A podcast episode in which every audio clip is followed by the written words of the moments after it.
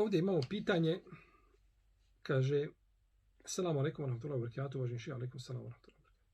Moje pitanje je, ja i, muž, ja i muž smo se vratili vjeri. Hvala uzvišenom Allahu. Već odavno se pitamo kome da damo prisegu bejat. To jeste, kojeg šeha da pratimo od onih koji su na našem prostoru. Čitali smo malo o tome online, ali nismo dobili odgovor. Da li nam možete malo pojasniti koje su to etape za osobe koje se vratile vjeri vezano za ovo? Allah mu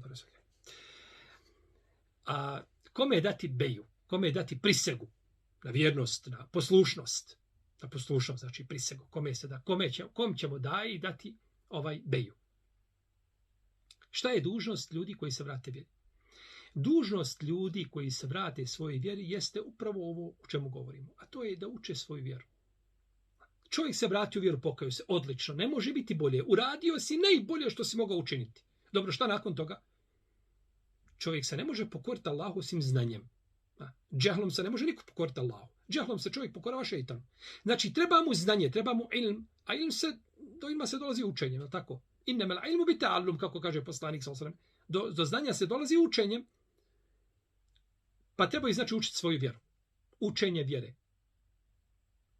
Dobro, kome trebaju dati prisegu? Kome će dati beju? Beja se ne daje dajama. Ni se beja daje u lemi, ni se beja. Beja se daje vladaru muslimana. I beju daje ehlul hali wal akd. A to su, ehlul hali wal akd, to je onaj gornji sloj u jednom društvu. To vam je ulema, to su vam uglednici, ovaj to su vam eh, znači ljudi koji su ovaj koji vode jedno društvo. A, oni daju beju. A ne daje obični svijet. Obični svijet može doći da čovjek dadne beju. Međutim, ne traži se od svakog čovjeka gdje god da živi, moraš doći dati beju tom i tom čovjeku. Ne mora. I u vezi s tim nema razilaženja među islamskim učenjacima. Da obični ljudi ne moraju svi doći dati. Neki daju, neki ne daju. Znači nije ehlul halli walakd. Oni su ti koji smjenjuju vladara kad ga mogu smijeniti i oni su ti koji ga postavljaju.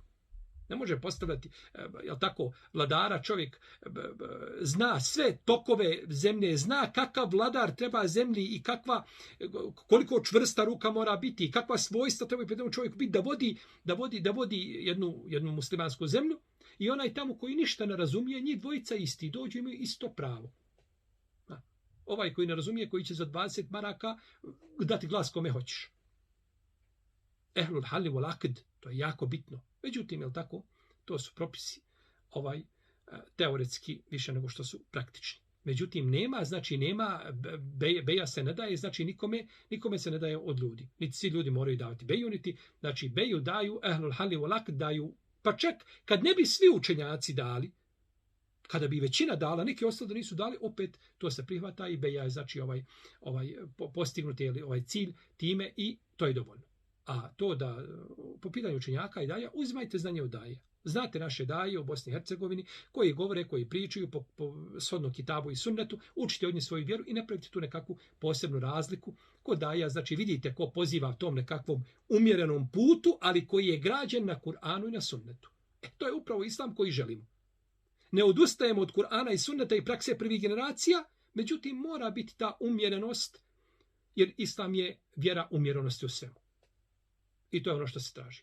Znači, učimo našu vjeru daja, a nikakve beje. Ko vas pozove od daja da mu dajete beju, ovaj, on je priča za sebe. A ne vjerujem da će vas iko pozvati da to uradite. Allah da vas dobro.